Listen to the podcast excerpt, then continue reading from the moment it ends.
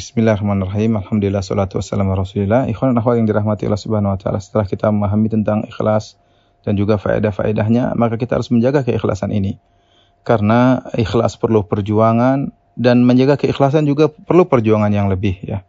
Maka segala penyakit-penyakit, kotoran-kotoran yang bisa menghancurkan keikhlasan kita atau mengotori keikhlasan kita, maka kita harus hindari.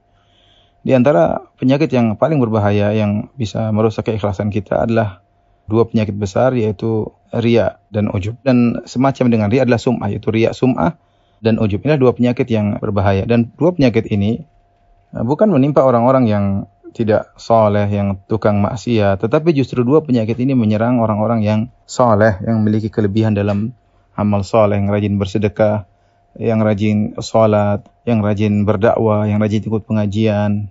Nah, justru mereka ini adalah orang-orang yang rawan terkena penyakit ujub dan ria ya.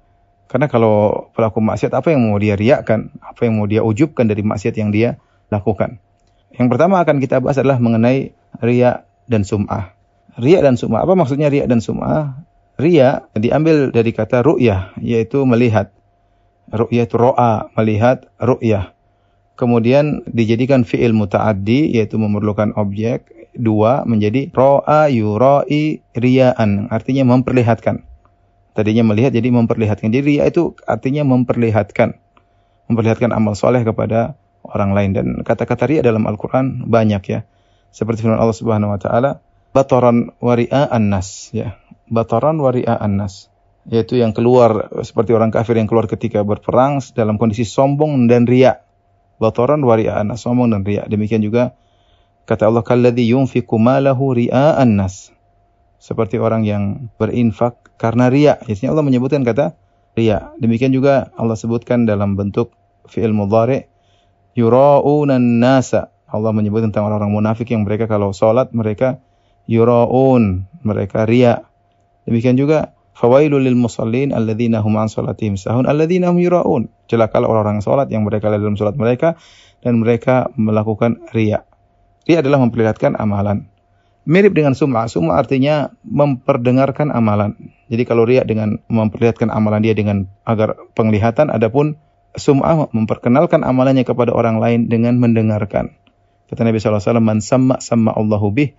Barang siapa yang dengarkan amalannya karena ingin dipuji, maka Allah akan bongkar niat buruknya tersebut pada hari kiamat kelak.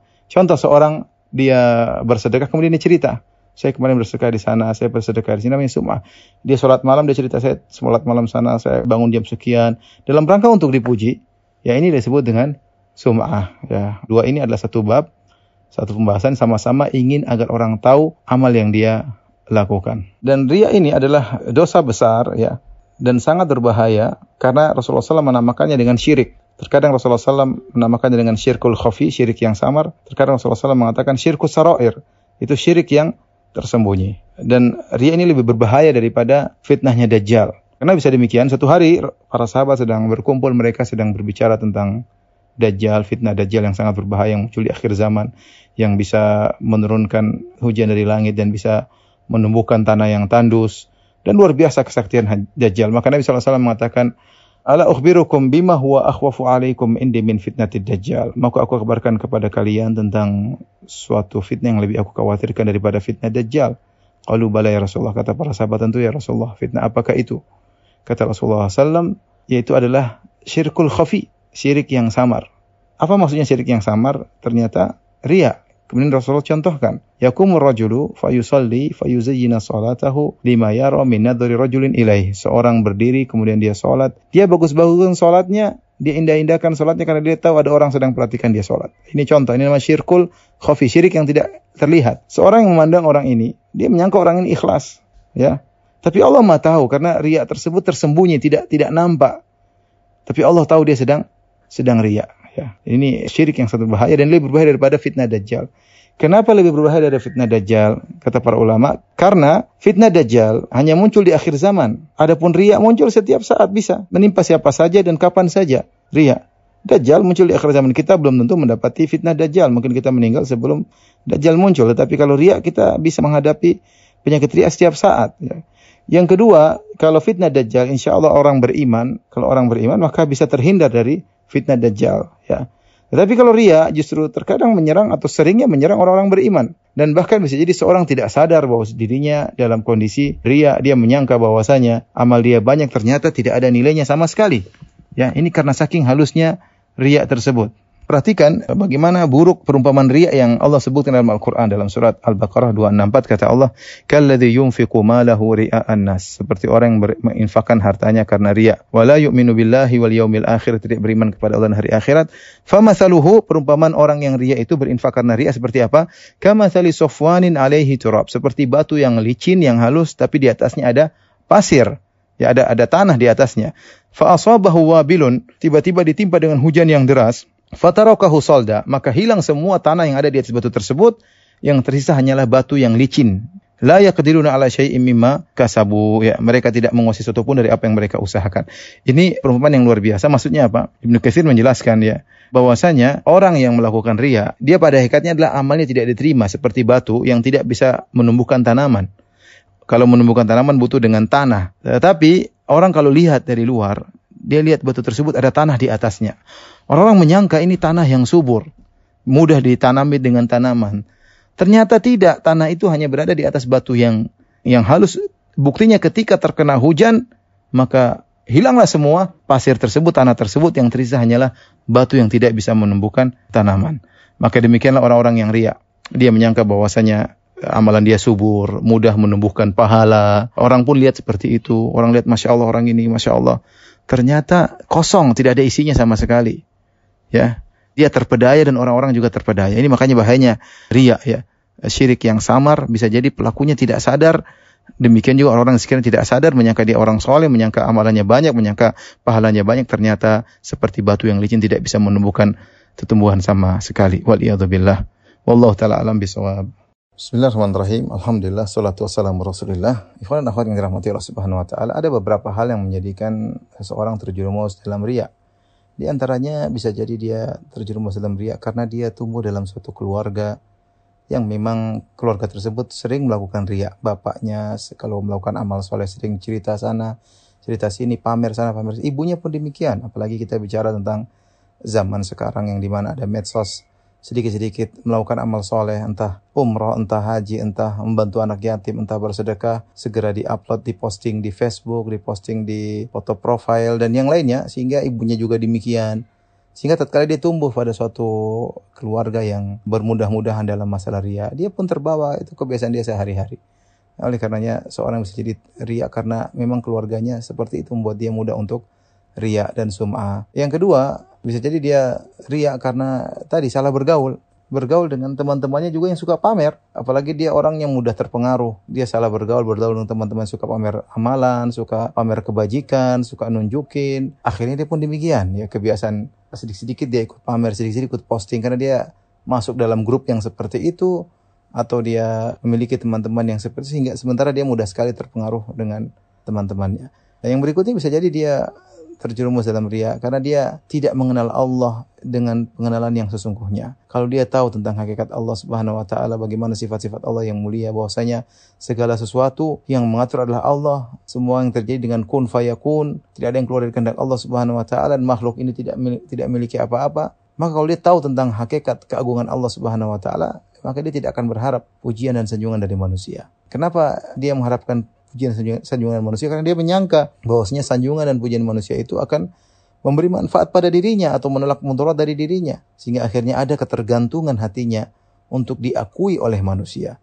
Diakui oleh manusia. Ini kembali kepada karena kejahilannya kepada sifat-sifat Allah yang maha agung. Ini juga menyebabkan seorang terjerumus dalam ria di antaranya yang menyebabkan seorang terjerumus ria karena ingin tampil ingin tampil membuat dia harus pamer apa yang dia lakukan, dia tunjukkan amal yang dilakukan agar dia tampil dan diakui oleh masyarakat misalnya atau ingin menang dalam pilkada kayak ingin menang dalam terkadang mau tidak mau dia harus ria dia harus supaya memang dia sengaja meriakan amal dia agar semua orang mengetahui apa yang dilakukan kemudian untuk memilihnya. Maka seorang waspada ya. Waspada ria bukan dosa kecil ria ria dosa besar ya riak dosa besar, dosa besar maka seorang berusaha menjauh dari penyakit riak sejauh-jauhnya. Di antara hal yang menjadikan seorang mungkin terjerumus dalam ria yaitu karena dia tamak kepada apa yang dimiliki oleh orang lain ya. maka dengan cara dia ria, dia diakui sehingga orang percaya sama dia, sehingga orang bisa memberikan dia harta kah atau hadiah kah atau memberi kepercayaan kepada dia kah, menitipkan amanah kepada dia sehingga dia butuh untuk ria supaya dia diakui oleh orang-orang tersebut ya. Dan ini adalah berbahaya dan ini merupakan dosa besar. Di antara hal yang menjadikan seorang terjerumus dalam ria, dia tidak kuat dipuji ya. Tadinya dia ikhlas tapi orang-orang sering kagum dengan dia ya oh, kamu tuh hebat, kamu tuh ini. Dan dia lupa mengingatkan dirinya bahwasanya semua adalah dari Allah Subhanahu wa taala. Ketika dia dipuji, disanjung, orang kagum sama dia, akhirnya lama kelamaan dia suka dengan hal tersebut, dia menikmati pujian-pujian tersebut. Karena dia sudah menikmati pujian-pujian tersebut, akhirnya membiasakan diri untuk riak. Kapan tidak dipuji, dia ingin tampilkan kelebihannya, dia pamerkan amal soleh yang dia kerjakan, karena dia sudah terlanjur terjebak dengan penyakit suka dipuji oleh teman-temannya. Oleh karena terkadang seorang bisa menjerumuskan kawannya dalam kebinasaan ya. Ketika ada seorang yang memuji orang lain maka kata Nabi SAW, Qad qata'tum dhuhrar rajul. Kalian telah mematahkan tulang punggung orang tersebut. Ya kenapa? Karena pujian-pujian yang kepada seorang sekarang orang tidak mampu untuk menerima pujian tersebut. Kepalanya jadi besar, kemudian dia lupa diri dan akhirnya dia kecanduan ingin dipuji. Maka hati-hati dan waspada bisa jadi seorang hobi untuk ria karena terkena pujian-pujian temannya sendiri. Kemudian di antara hal yang menjadikan seorang ria dan ini adalah yang sangat berbahaya itu syahwat khafiyah yang Ibnu Taimiyah rahimahullah menamakan dengan syahwat khafiyah itu syahwat ingin diagungkan ingin tampil nomor satu, ingin disanjung. Ini syahwat ya. Sebagaimana seorang lelaki kalau lapar dia punya syahwat terhadap makanan, sebagaimana seorang lelaki kalau dia lihat wanita dia punya syahwat, sama dengan seorang ingin dipuji disanjung penyakit dia punya syahwat ingin disanjung bahkan seorang gara-gara ingin disanjung dia rela mengorbankan harta dan jiwanya ya dia rela infak sebanyak-banyaknya supaya orang kagum sama dia. Masya Allah dermawan, Masya Allah. Dia ingin sekali disebut dermawan. Bahkan bukan cuma hartanya, raganya, jiwanya dia rela korbankan. Oleh karenanya ketika ada seorang bertanya kepada Nabi, Ya Rasulullah, Rajulun qatala hamiyatan.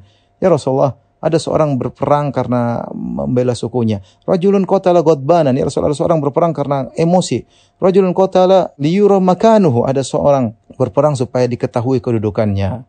Rajulun qatala liyuzkar. Ada seorang berperang supaya dikenang ayu dzalika fi sabilillah mana di antara mereka di jalan Allah kata Nabi wasallam man qatala litakuna kalimatullahi al-ulya fa huwa fi sabilillah yang berperang agar meninggikan kalimat Allah yang ikhlas itulah yang berperang karena Allah Subhanahu wa taala bayangkan ada orang berperang liyuzkar untuk dikenang. Ada orang berperang liyura makanu agar orang tahu kedudukannya.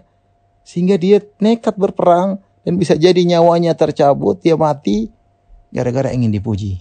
Kenapa ada syahwat? Syahwat ingin diakui syahwat ingin disanjung. Ini syahwat yang berbahaya yang disebut oleh Ibnu Taimiyah dengan syahwatun khafiyah, syahwat yang tersembunyi. Inilah ikhwan dan akhwat sebagian sebab-sebab yang bisa jadi menjerumuskan orang dalam riya maka kita waspada dengan sebab-sebab tersebut agar terhindarkan dari riya. Allah alam bisawab. Alhamdulillah, salatu wassalamu rasulillah, ikhwan subhanahu wa ta'ala. Apa sih ciri-ciri orang yang riya ya? Ciri-cirinya ya di antaranya kalau dia lagi sendirian dia malas beribadah. Tapi kalau dia lagi banyak orang, dia semangat. Ya. Ini kita tidak menuduh orang, tapi kita bicara tentang diri kita sendiri. Jangan-jangan kita terjangkiti ria. Buktinya kalau lagi banyak orang semangat. Oh. Tapi kalau lagi sendiri, malas. Malas berzikir kepada Allah. Malas baca Quran. Kalau depan banyak orang baru kita baca Quran. Baru kita rajin berzikir. Baru kita, Masya Allah ini tanda-tanda ria. Ya. Kenapa? Berarti ibadah kita dipengaruhi dengan penilaian orang. Ya. Kemudian di antara ciri orang ria yang kedua adalah Semangat kalau dipuji. Kalau dipuji orang, disanjung, semangat. Kalau dicela, tidak semangat. Berhenti, berkurang, mundur sedikit demi sedikit. Ini menunjukkan kita beramal bukan karena Allah Subhanahu wa taala, tapi kita beramal karena pujian, ya. Ketika pujian kita dapat, kita tambah amal kita. Ketika pujian kita tidak dapatkan justru cercaan dan celaan, maka kita berhentikan amal kita. Ini tanda-tanda bahwasanya kita beramal soleh bukan karena Allah Subhanahu wa taala, tapi karena pujian dan menghindari cercaan. Di antara tanda-tanda kita bisa terjangkit ria itu kita tidak pernah mengecek niat kita, tidak pernah ngecek sama sekali. Tidak pernah kita ngecek sebelum kita beramal, tidak pernah kita ngecek di tengah kita beramal dan tidak pernah kita ngecek di akhir kita beramal, ya. Seorang berusaha mengecek niatnya ya sebelum beramal agar dia bisa berusaha untuk tidak ria. Tapi kalau dia tidak pernah ngecek ya bisa jadi terjerumus dalam ria tidak dia sadari. Makanya di antara ciri orang yang terjerumus ria tidak pernah ngecek amal dia. Padahal amal bisa dicek Oleh karenanya dikatakan kepada Nafi' bin Jubair rahimahullah, "Ala tashhadu janazah?" Apa kau tidak menghadiri janazah, tidak melihat janazah, tidak ikut menguburkan janazah? Maka kata Nafi' bin Jubair rahimahullah, "Kama anta hatta anwi." Tetap di tempatmu sampai aku niatkan dulu. Jadi dia tidak langsung jalan, dia niatkan sebentar dulu. Setelah dia berpikir sebentar, merenungkan sebentar, kemudian dia mengatakan, ayo kita jalan. Ini menunjukkan bahwasanya seorang yang ikhlas dia perhatikan niatnya. Ya, seorang perlu mengecek niatnya. Kita ini nggak tahu niat kita berubah-ubah. Kalau hati tidak pernah kita cek, kita merasa kita nyaman-nyaman saja, kita merasa kita ikhlas terus. Ternyata ada udang di balik batu. Hati-hati. Ya, kita cek benarkah ini kita ikhlas. Perlu kita ingatkan sebelum beramal. Terkadang ketika sedang beramal kita saya ini ikhlas atau tidak, perlu dicek. Ya, karena terkadang kita lepas ngomong tambah tambah sadari ternyata kita terjerumus dalam ria. Jadi kalau orang tidak pernah ngecek niat ini jangan-jangan dia terjerumus dalam ria. Lihatlah perkataan Sulaiman bin Daud al-Hashimi. Beliau berkata, "Rubbama uhaddithu bi hadithin wa fihi niyyah, fa idza ataitu ala ba'dhihi taghayyarat niyyati, fa idza al-hadithul wahid yahtaju ila niyyat." Terkadang aku menyampaikan semua ingin menyampaikan sebuah hadis, itu hadis dari Nabi SAW. Dan aku memiliki niat yang benar untuk menyampaikan hadis tersebut. Dia menyampaikan hadis Nabi kan dakwah berarti. Dan dia merasa niatnya sudah benar. Dia sudah cek. Dia mengatakan, bisa jadi aku menyampaikan satu hadis dan aku memiliki niat yang benar. Fa'idha ataitu ala ba'dahi. Tatkala aku menyampaikan sebagian hadis tersebut, taghayyarat niyati. Tiba-tiba niatku berubah. Masya Allah dia sadar niatnya sedang berubah. Fa'idhal hadisul wahid. Ternyata satu hadis aja. Yahtaju ila niat. Satu hadis ini terkadang butuh dengan beberapa niat. Ya, satu hadis terkadang butuh beberapa niat. Sama seperti seorang penceramah. Bisa jadi dia ceramah. Di tengah-tengah dia semangat karena banyak orang misalnya. Karena orang terpesona dengan apa yang dia sampaikan. Tiba-tiba niatnya berubah dan dia tidak sadari. Ya mungkin awal ceramah dia ikhlas, tengah penceramah sudah dia sudah ria malah. Terkadang dia sebutkan amal dia, orang semakin memujinya, mengeluh-elukannya, dia terjebak. Ya, Seorang kalau tidak pernah cek niatnya, sangat mudah dia terjerumus dalam ria dan itu bahkan tanda bahwasanya dia terjerumus dalam ria.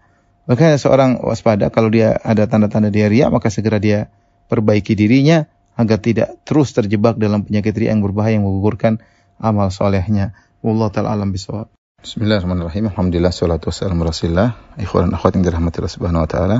Pembahasan berikut ini tentang bagaimana cara kita berjihad melawan ria. Ya, tentu melawan ria adalah perlu perjuangan dan ini bukan hanya perjuangan setahun dua tahun bahkan perjuangan seumur hidup karena setan senantiasa berusaha menggoda kita agar tidak terjerumus dengan ria. Setan tidak peduli seorang amalnya sebesar apa pun, sumbangannya sebanyak apa pun, sholat sunnahnya berapa ratus rakaat pun, ya letihnya ya, seletih apa pun dalam beribadah, setan tidak peduli. Yang penting dia ria selesai urusan. Ya bagi setan yang penting dia ria. Ya oleh karenanya setan terus berusaha agar seorang terjerumus dalam ria dan ini perjuangan kalau saya boleh katakan perjuangan seumur hidup ya karena bisa jadi hari ini kita ikhlas besok kita ria jangankan hari ini ikhlas siang ini ikhlas malamnya bisa kita ria jangankan siang dan malam bahkan detik ini kita ikhlas bisa jadi detik-detik berikutnya kita sudah ria maka ada hal beberapa yang harus kita renungkan agar kita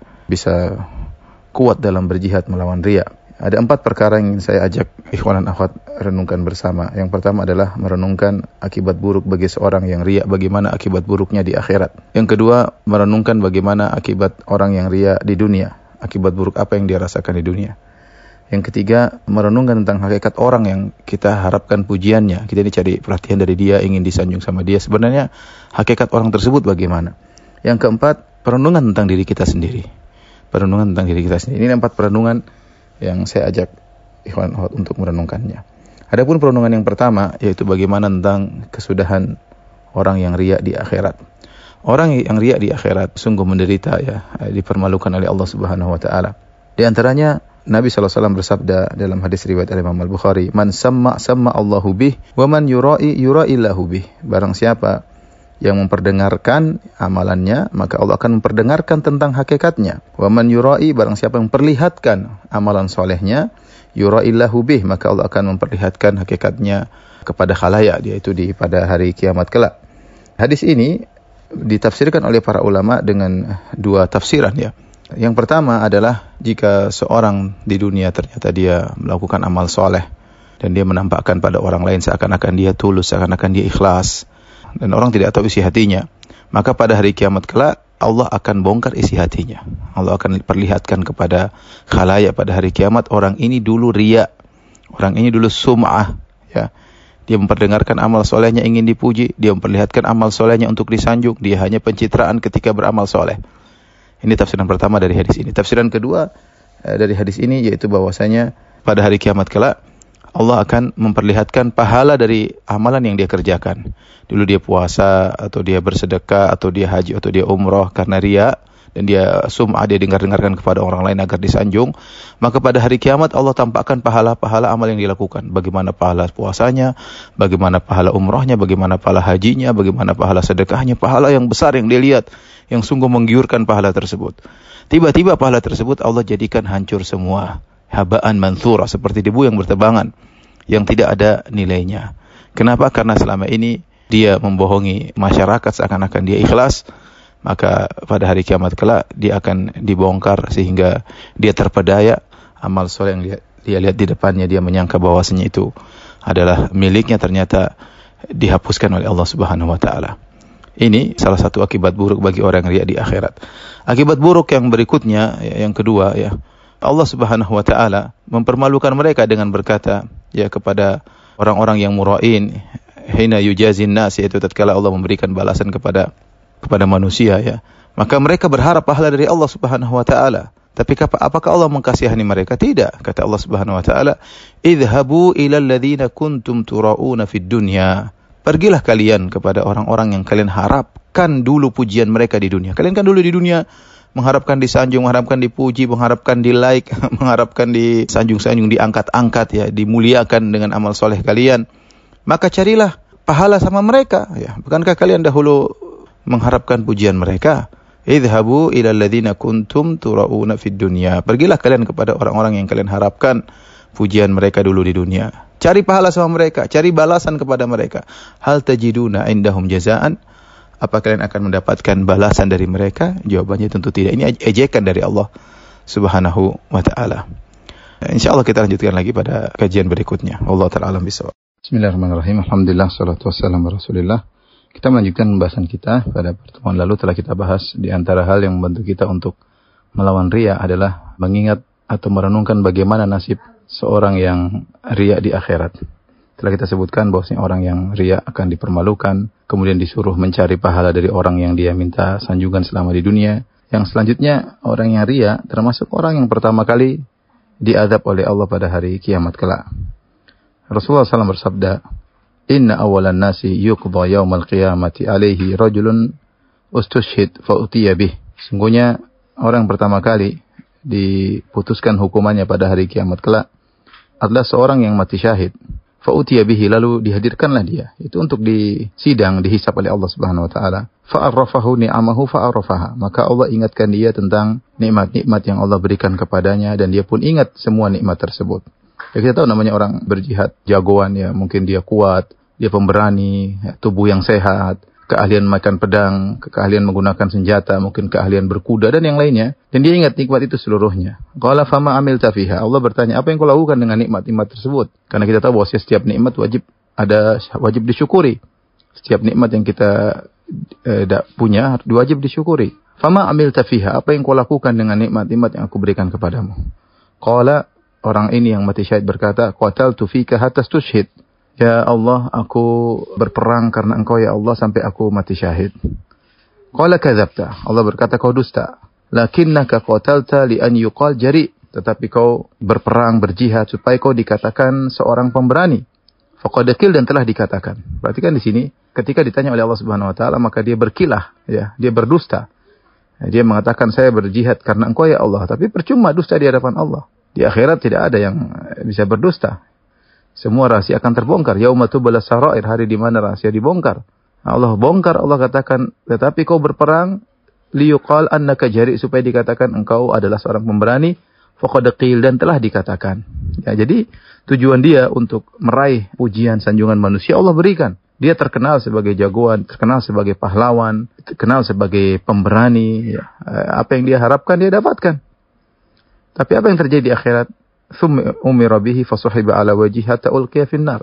Kemudian diperintahkan malaikat untuk menggeretnya, maka dia pun digeret, ditarik di atas wajahnya dalam kondisi terhina ya. Ditarik artinya tidak mau tapi digeret dengan wajahnya bukan kakinya yang tergeret di tanah tapi wajahnya yang tergeret di tanah di hari kiamat hatta ulqiya finnar sampai dilemparkan dalam neraka jahanam. Ini laki pertama yang ria eh, mati syahid kemudian ternyata dia pertama kali dimasukkan di neraka. Yang kedua warajulun ta'allama al-ilma wa 'allamahu, seorang yang belajar ilmu dan mengajarkannya. Yang kedua ini ustaz. Ya, ilmu sini maksudnya ilmu agama, ustaz, dai. Yang pertama mujahid, yang kedua ustaz yang masuk neraka. Wa al-Qur'an dan dia membaca Al-Qur'an, fa bihi, lalu dia dihadirkan di sidang oleh Allah Subhanahu wa taala dihisab. Fa arrafahu ni'amahu. Maka Allah ingatkan tentang nikmat-nikmat yang Allah berikan kepada dia dan dia pun ingat itu semua. Ya, namanya ustadz cerdas, kuat hafalannya, mungkin lantunan suaranya ketika melantunkan Al-Quran indah, ya, pandai berorasi, ya, banyaklah eh, namanya dai, kemudian pandai berceramah. Maka Allah bertanya, "Fama amil tafi, fama faal tafi, apa yang kau lakukan dengan nikmat-nikmat yang aku berikan kepadamu?"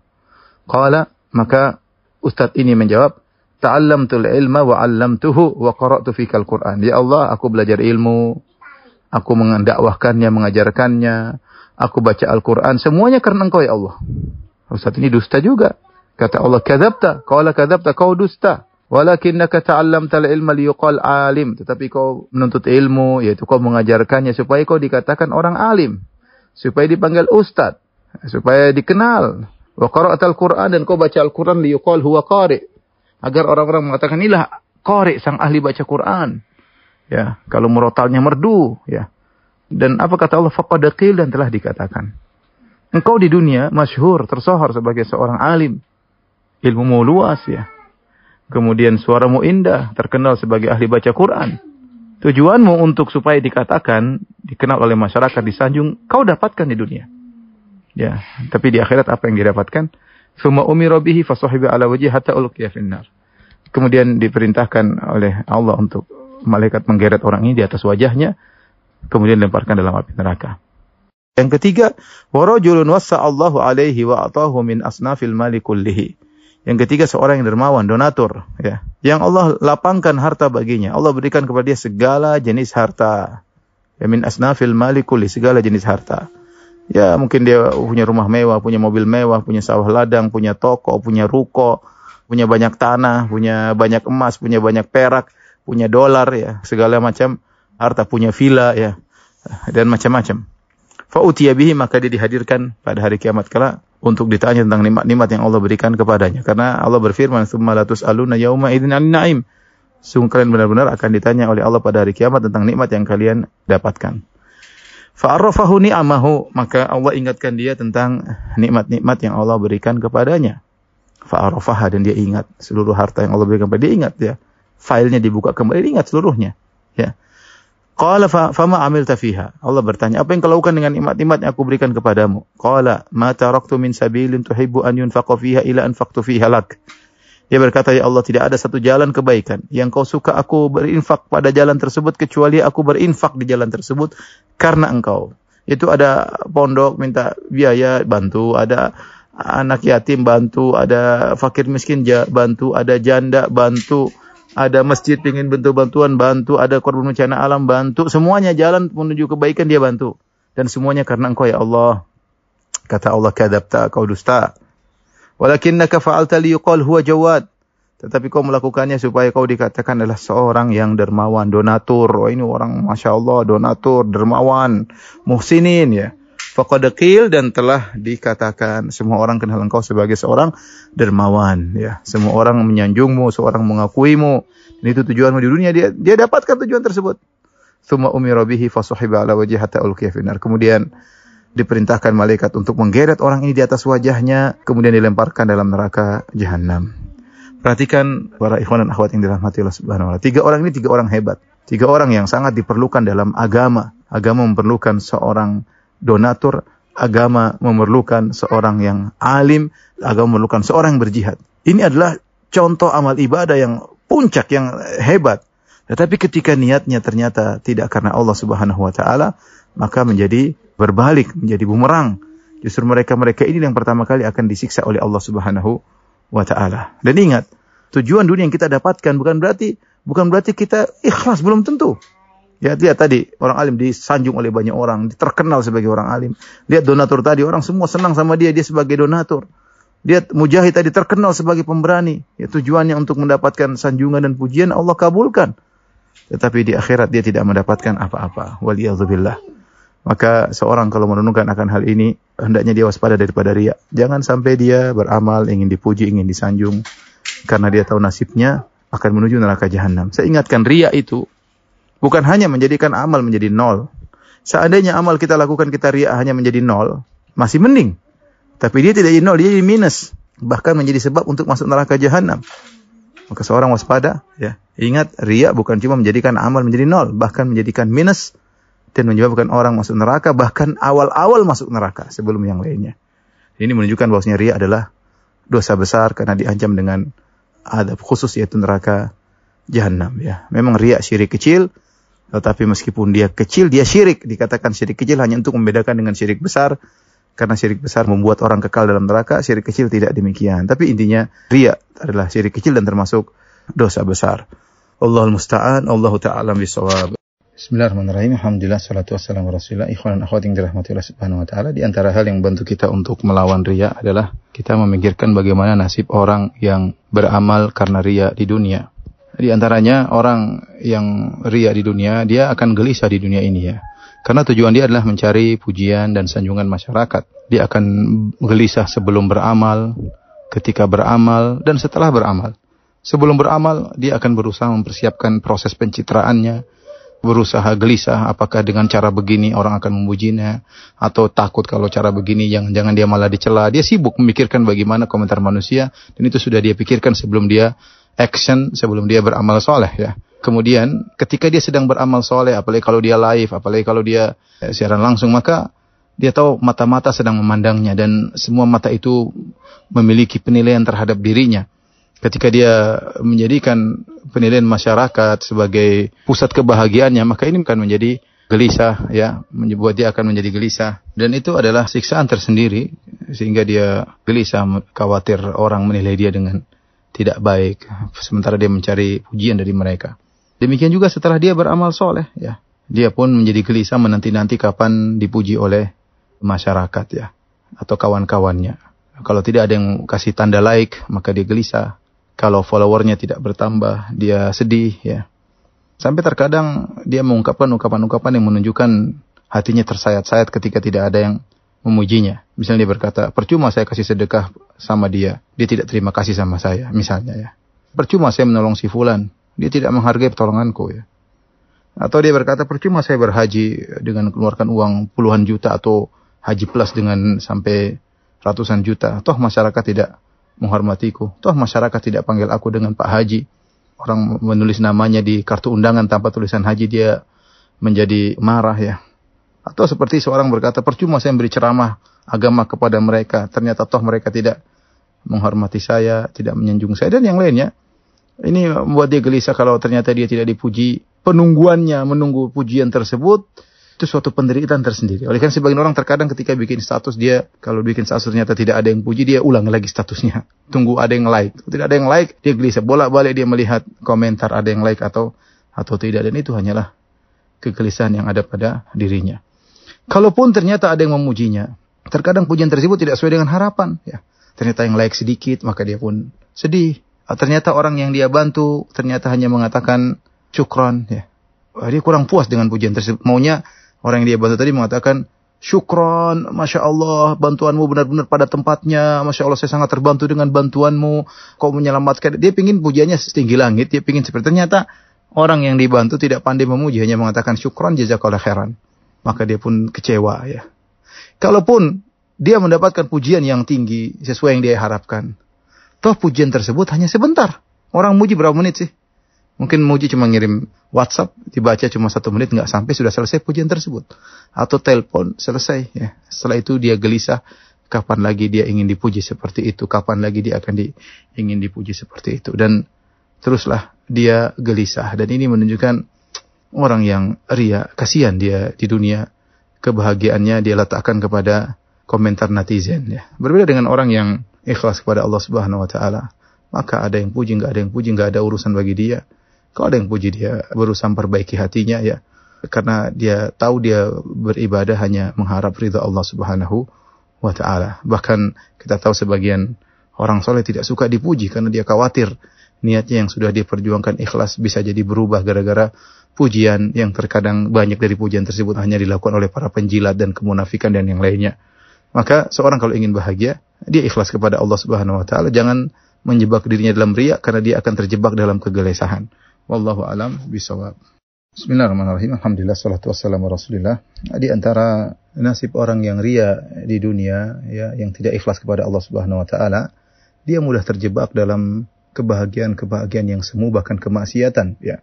Ibnu Taimiyah rahimahullah dalam kitabnya Majmu' Fatawa jilid 10 halaman 216 sampai 217 di antaranya beliau menjelaskan bahwasanya barang siapa yang ikhlas kepada Allah Subhanahu wa taala ya hatinya fokus kepada Allah Subhanahu wa taala, yakunullahu ahabba ilaihi min kulli ma siwah. Maka jadilah Allah yang paling dia cintai daripada segalanya karena selalu dia fokus untuk mencari keridhaan Allah. Jadilah Allah yang paling dia cintai. Wa yakunu dzalilan lahu khadi'an dan dia menjadi tunduk kepada Allah. Wa illa jika ternyata dia tidak ikhlas ya, tidak fokus kepada Allah Subhanahu wa taala, tidak mencari keridhaan Allah, ista'badathul kainat, maka dia akan diperbudak oleh al-kainat maksudnya dunia-dunia, perkara-perkara dunia. Ya. Di mana Ibnu Taimiyah menjelaskan ya sebelumnya menjelaskan masalah ini yaitu bagaimana ketika hati tidak ikhlas maka dia akan terbudakkan oleh perkara-perkara dunia ya.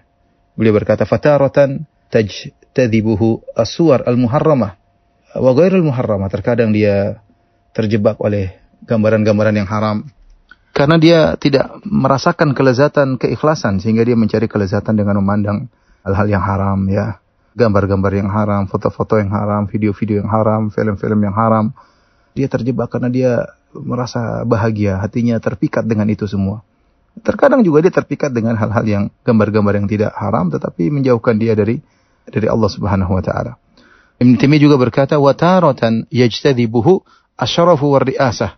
Terkadang dia terjebak terpikat dengan kedudukan dan kemuliaan, jabatan dan yang semisalnya maka itulah yang menjadi tujuannya karena dia tidak ikhlas ya yang dia cari adalah jabatan pengakuan masyarakat faturdihil kalimatu wa tughdibuhul kalimatu terkadang satu kalimat membuat dia bahagia luar biasa karena dipuji di sanjung-sanjung terkadang satu kalimat membuat dia marah gara-gara dia dijatuhkan dari mengganggu jabatannya mengganggu kedudukannya.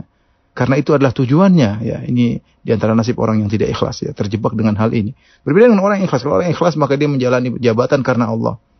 Ya, mau orang puji, mau orang cela, dia berjuang karena Allah Subhanahu wa taala, maka kebahagiaannya dia gantung kepada Allah. Tapi kalau seorang tidak ikhlas, maka tujuannya akhirnya bisa terjebak dengan indahnya jabatan, indahnya kedudukan ya, dan yang lainnya ya. Terkadang dia bahagia dengan pujian orang, padahal dia tahu bahwasanya orang tersebut memuji dia yang tidak benar. Ya, orang ini bohong dalam memuji penjilat. Tetapi ketika penjilat-penjilat tersebut menguntungkan jabatannya, maka dia senang, dia bela, dijadikan kawan. Sebaliknya ketika ada orang menegurnya dengan hak, Eh, tapi karena ini mengusik jabatannya maka dia musuhi. Ini terjadi kepada banyak eh, banyak orang. Kemudian Ibnu mengatakan wataratan yasta'biduhu dirhamu wad dinaru. Ya, dan terkadang seorang ketika tidak ikhlas maka hatinya terbudakkan atau dirinya terbudakkan oleh dirham dan dinar yaitu harta. Dia merasa puncak kebahagiaannya pada dinar dan dirham. Ya, sehingga apa yang dikatakan dinar dan dirham dia kerjakan, apa yang diperintahkan oleh dinar dan dirham dia kerjakan. Demi dolar dia lakukan apa segalanya. Ini biasanya orang jauh daripada keikhlasan. Kalau orang ikhlas, tujuannya karena Allah Subhanahu wa taala, ya dia menikmati dinar dirham, tapi itu bukan tujuannya. Sehingga dia yang mengontrol dinar dan dirham, bukan dinar dan dirham yang mengontrolnya. Dia yang mengontrol jabatan, bukan jabatan yang mengontrolnya. Dia yang mengontrol pandangannya, bukan foto-foto yang haram atau video-video yang haram yang mengontrol pandangannya. Jika semua dia kerjakan karena Allah, maka Allah akan menolongnya. Maka sebagian pernah kita singgung tentang hal ini di mana Allah Subhanahu wa taala cerita tentang Nabi Yusuf alaihissalam wa kadzalika linasrifa anhu su'a wal fahsya innahu min ibadinal mukhlasin.